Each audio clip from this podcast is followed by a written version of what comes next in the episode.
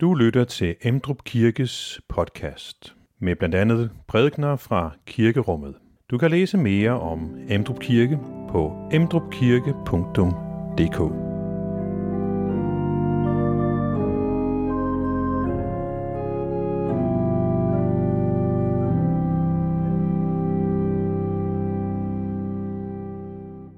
Anden juledag er det jo et lidt anderledes budskab.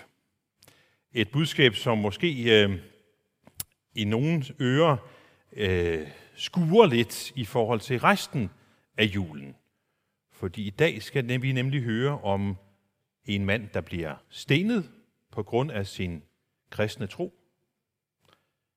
Og at øh, der er mange andre mennesker, for hvem den kristne tro har nogen ret så ubehagelige konsekvenser. Derfor har jeg også sat overskriften i dag, julens budskab og hovedperson må vi tage stilling til. Og når vi tager stilling til julens hovedperson og, og, og budskab, så får det også nogle konsekvenser. Og det er det, vi skal være sammen om i dag.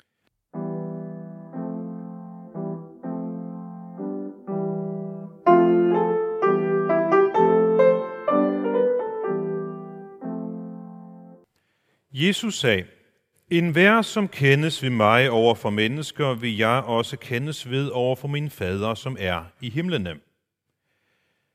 Men den, der fornægter mig over for mennesker, vil jeg også fornægte over for min far, som er i himlene. Tro ikke, at jeg er kommet for at bringe fred på jorden.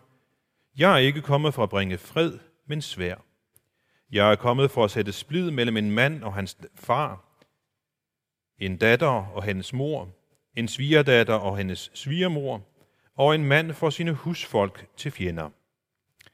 Den, der elsker far eller mor mere end mig, er mig ikke værd, og den, der elsker søn eller datter mere end mig, er mig ikke værd. Og den, der ikke tager sit kors op og følger mig, er mig ikke værd. Den, der har reddet sit liv, skal miste det, og den, der har mistet sit liv på grund af mig, skal redde det. Den, der tager imod jer, tager imod mig. Og den, der tager imod mig, tager imod ham, som har udsendt mig. Den, der tager imod en profet, fordi det er en profet, skal få løn som en profet. Og den, der tager imod en retfærdig, fordi det er en retfærdig, skal få løn som en retfærdig. Og den, der giver en af disse små blot et bæger koldt vand at drikke, fordi det er en disciple, sandelig siger jeg jer, han skal ikke gå glip af sin løn. Amen.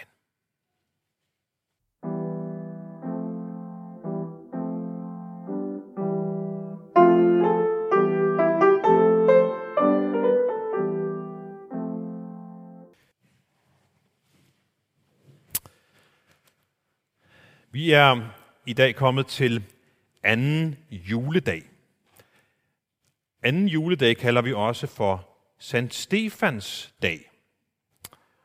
Og øh, I lader måske mærke til, at da jeg stod foran alderet, så havde jeg en noget rødt tøj på, og jeg har en lille smule rødt på nu her på prædikestolen. Og det er faktisk et billede på blod. Hvorfor dog det?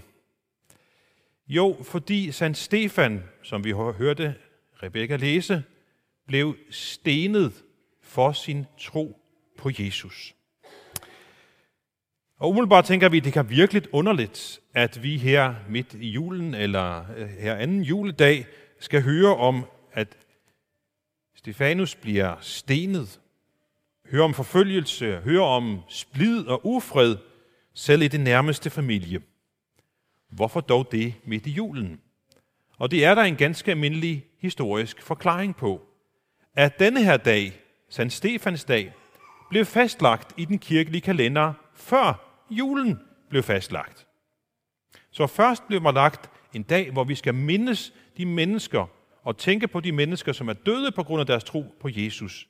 Og så senere hen, så har man placeret julen her. Fordi vi ved jo ikke præcis, hvornår Jesus blev født. Jeg håber ikke, nogen bliver skuffet. Øh, den 24. december er ikke nødvendigvis Jesu fødselsdag. Det aner vi faktisk ikke noget om. Men vi har valgt at fejre den den 24. og 25. december af en god årsag. Og det hænger sammen med det billede, I kan se bag mig på skærmen. Det er nemlig den tid af året, hvor dagene er kortest. Men det er faktisk vendt nu. Det er måske ikke den store forskel, vi har kunne lægge mærke til, men vi har passeret den korteste dag i år. Nu nær vender lyset tilbage. Dagene bliver lysere og lysere. Og lige der i skæringspunktet, så hedder det vinter, sol, værv. Lige der, hvor det går fra, at dagene bliver kortere, til at de igen begynder at blive længere, og det hænger sammen med hældningen af jorden i forhold til solen og andre ting.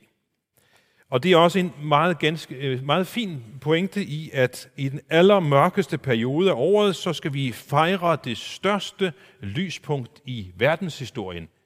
Da lyset er tilbage, så fejrer vi, at det største lys af alle, menneskers lys, Jesus Kristus, kom til jorden. Så vi holder fest for lyset i den, i den tid, hvor lyset vender tilbage. Men det gør så også, at vi har fået en Sankt Stefans dag og juledagene klods op af hinanden. Vi har sorg og glæde, og de to ting klods op af hinanden. Og det er jo heller ikke således, at det nødvendigvis er modsætninger. Nogle gange, så er det jo således, at de indbyrdes sorg og glæde kan være med til at belyse hinanden og gøre det mere intenst. Fordi vores glæde bliver mere intens på baggrund af, at vi også kender til det at opleve sorg. Og sorgen bliver mere intens på baggrund af, at vi også kender til at opleve glæde. Kingo han skriver i sin gode salme, Sorg og glæde, de vandrer til håbe, altså de vandrer sammen. Lykke og ulykke følges og ad.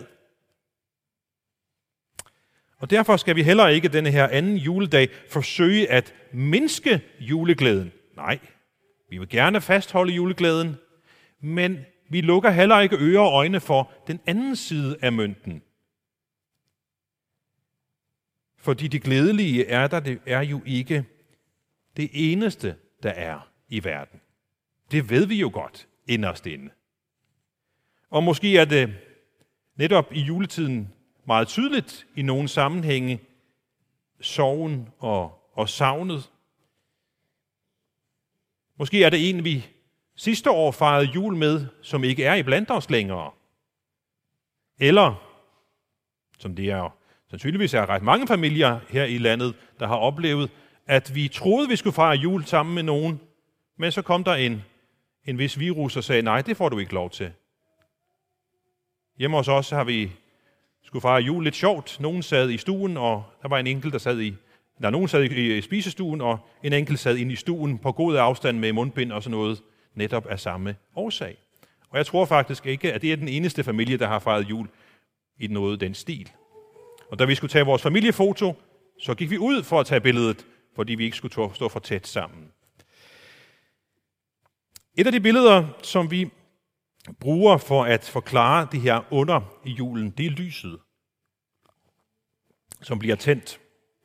Det skal vi synge om i den sidste salme i dag. Det lys, som aldrig slugt, jager den stigende mulm på flugt. Lyset skinner i mørket, siger Johannes, det hørte vi i går. Og så siger han, mørket greb det ikke. Og så kommer der en sætning mere, hvor han siger, han kom til sine egne, og det er jo hyggeligt at komme til sine egne. Det plejer at være godt. Når man kommer til sine egne, så plejer det at være godt. Så plejer man at blive modtaget med åbne arme, plejer man ikke det, når man kommer til sine egne? Men her står der, men hans egne tog ikke imod ham. Jesus mødte afvisning. Han mødte modstand. Er der noget mere tragisk end det? at komme til sine egne og så blive afvist. Men i sin kærlighed så kom han alligevel, selvom han vidste, at mange ville forkaste ham. Og nu nærmer vi os det spændingsfelt, som er dagens tema.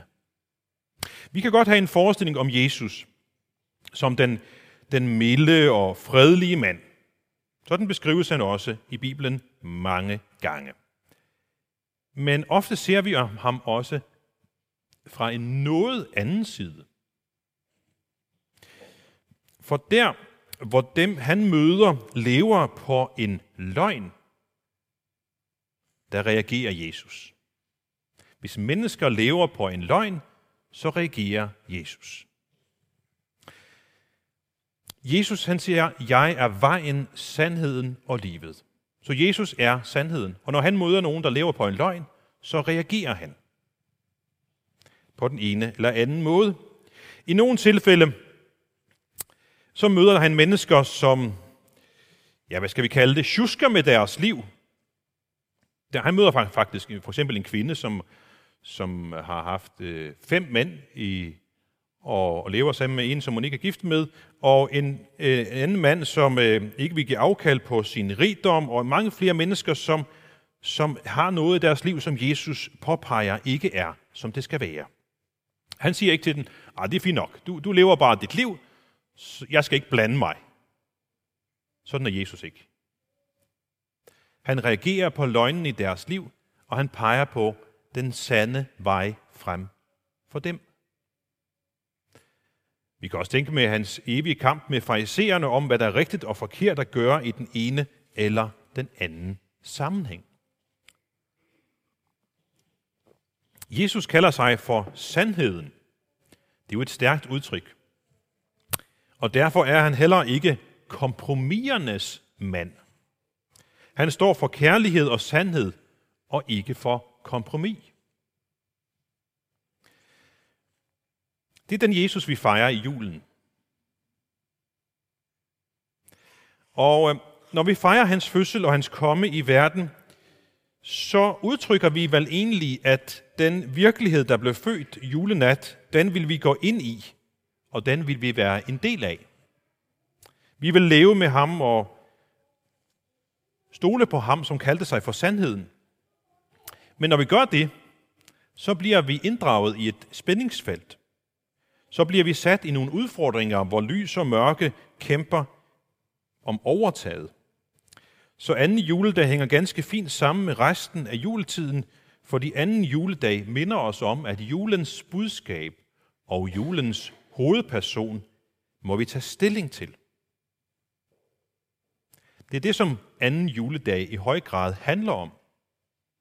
Og det med at tage stilling til noget, indebærer jo også en mulig udfordring med, at nogen mener noget andet.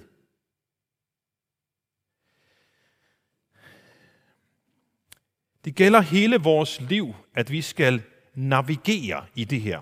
Sandhed og løgn. Og udfordringen er, at nogle gange så bliver sandheden drejet lidt, eller måske klemt lidt, eller indskrænket lidt, alt efter situationen og vores behov eller vores fordomme. Nogle gange så er det den enkeltes fordomme og behov, det handler om. Nogle gange er det en gruppes fordomme og behov, det handler om. Fordi de fleste synes nemlig, at det er lettere og mere bekvemt at tænke og mene som de fleste. I en gammel revyvise lyder det, Jeg stemte altid med den største flok, og de tanker, andre tænkte, var mig mere end nok. En gammel revyvise, som hedder Admiralens vise. En admiral, som synger sådan, og øh, han råder folk til at flyde med strømmen, ligesom han har gjort, så skal man nok komme frem i livet. Men tænker vi efter, så ved vi godt, at inderst inde, så består vores liv af mange forskellige holdninger og meninger.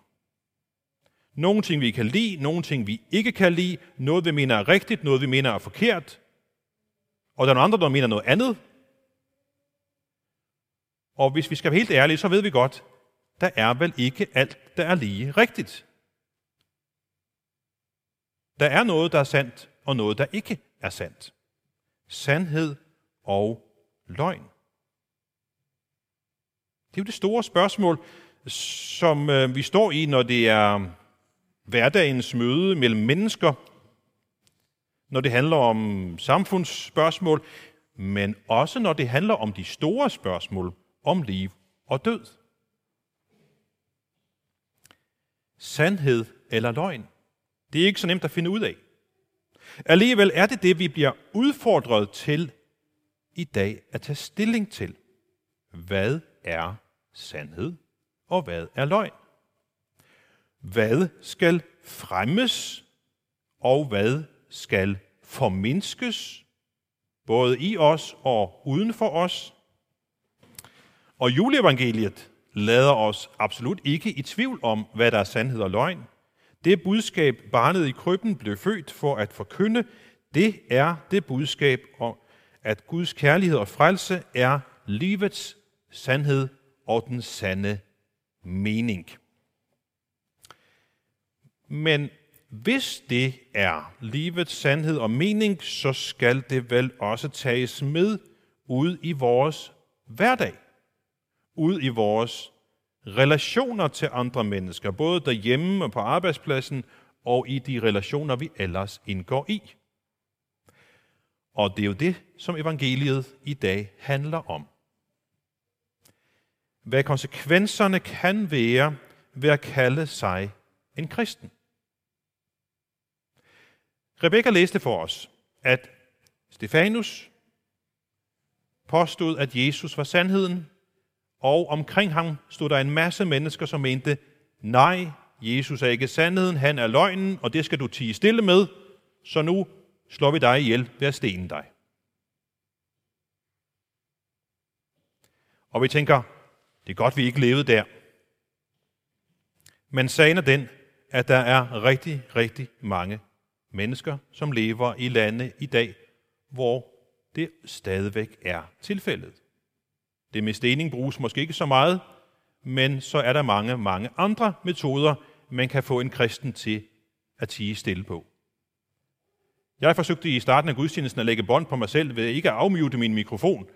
Det fik jeg rettet op på.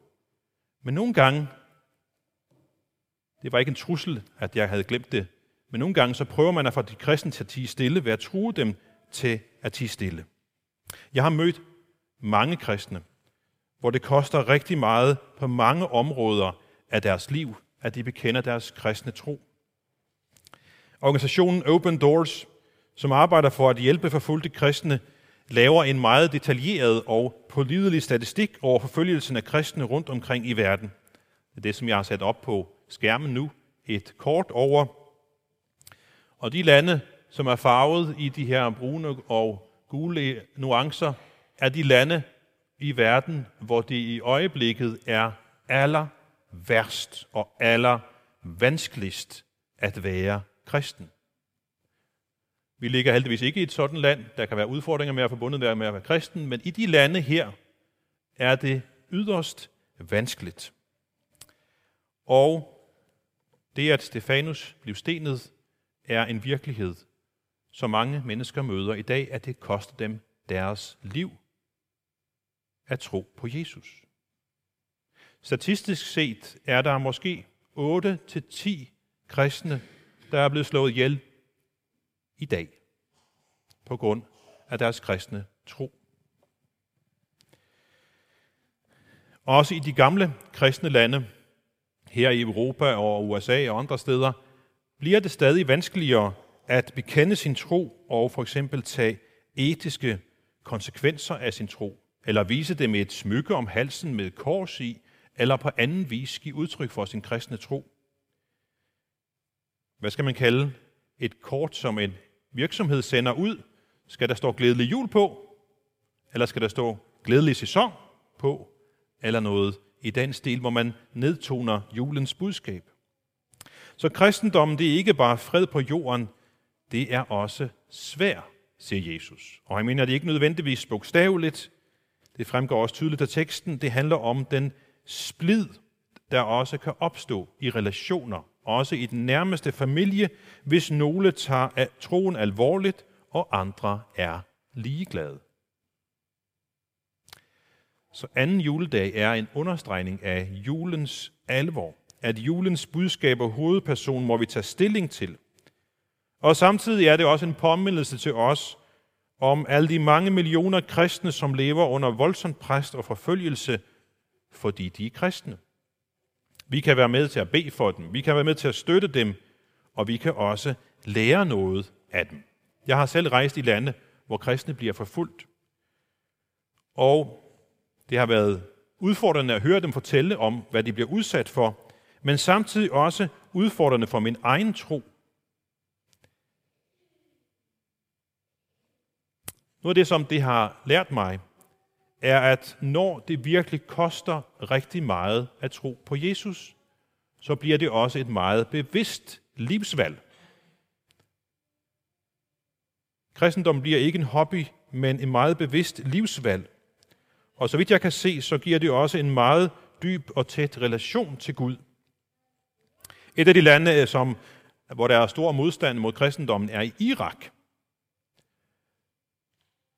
Det er næsten tømt for kristne efterhånden, selvom der for ikke så mange år siden boede måske et par millioner, så bor der meget, meget, meget færre nu. Og engang så blev en irakisk biskop spurgt lige før jul, hvad kristne i den vestlige verden kan gøre for at hjælpe de kristne, som bliver forfulgt. Og så siger han, for det første bør alle, der vil gøre noget for os, gøre en indsats for at leve hans eller hendes egen tro ud på en måde, på en dybere måde, ved at åbne for troens liv i daglig praksis. For os, som bliver forfulgt, siger han, er den største gave den viden, at vores situation hjælper andre til at leve deres tro ud med større styrke, glæde og troskab. Mange af os havde måske forventet et andet svar fra denne irakiske biskop. Måske mere om, at vi skal gøre mere politisk opmærksom på det, eller lignende.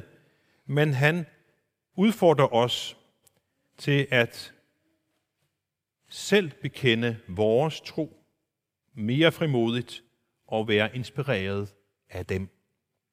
Så julens budskab og julens hovedperson, Jesus, udfordrer os i dag til at tage stilling. Det gør de forfulgte kristne også. Til at tage stilling og tage imod ham og lade ham være centrum i vores liv, også når det koster noget. Amen. Find flere podcast og læs mere på emdrupkirke.dk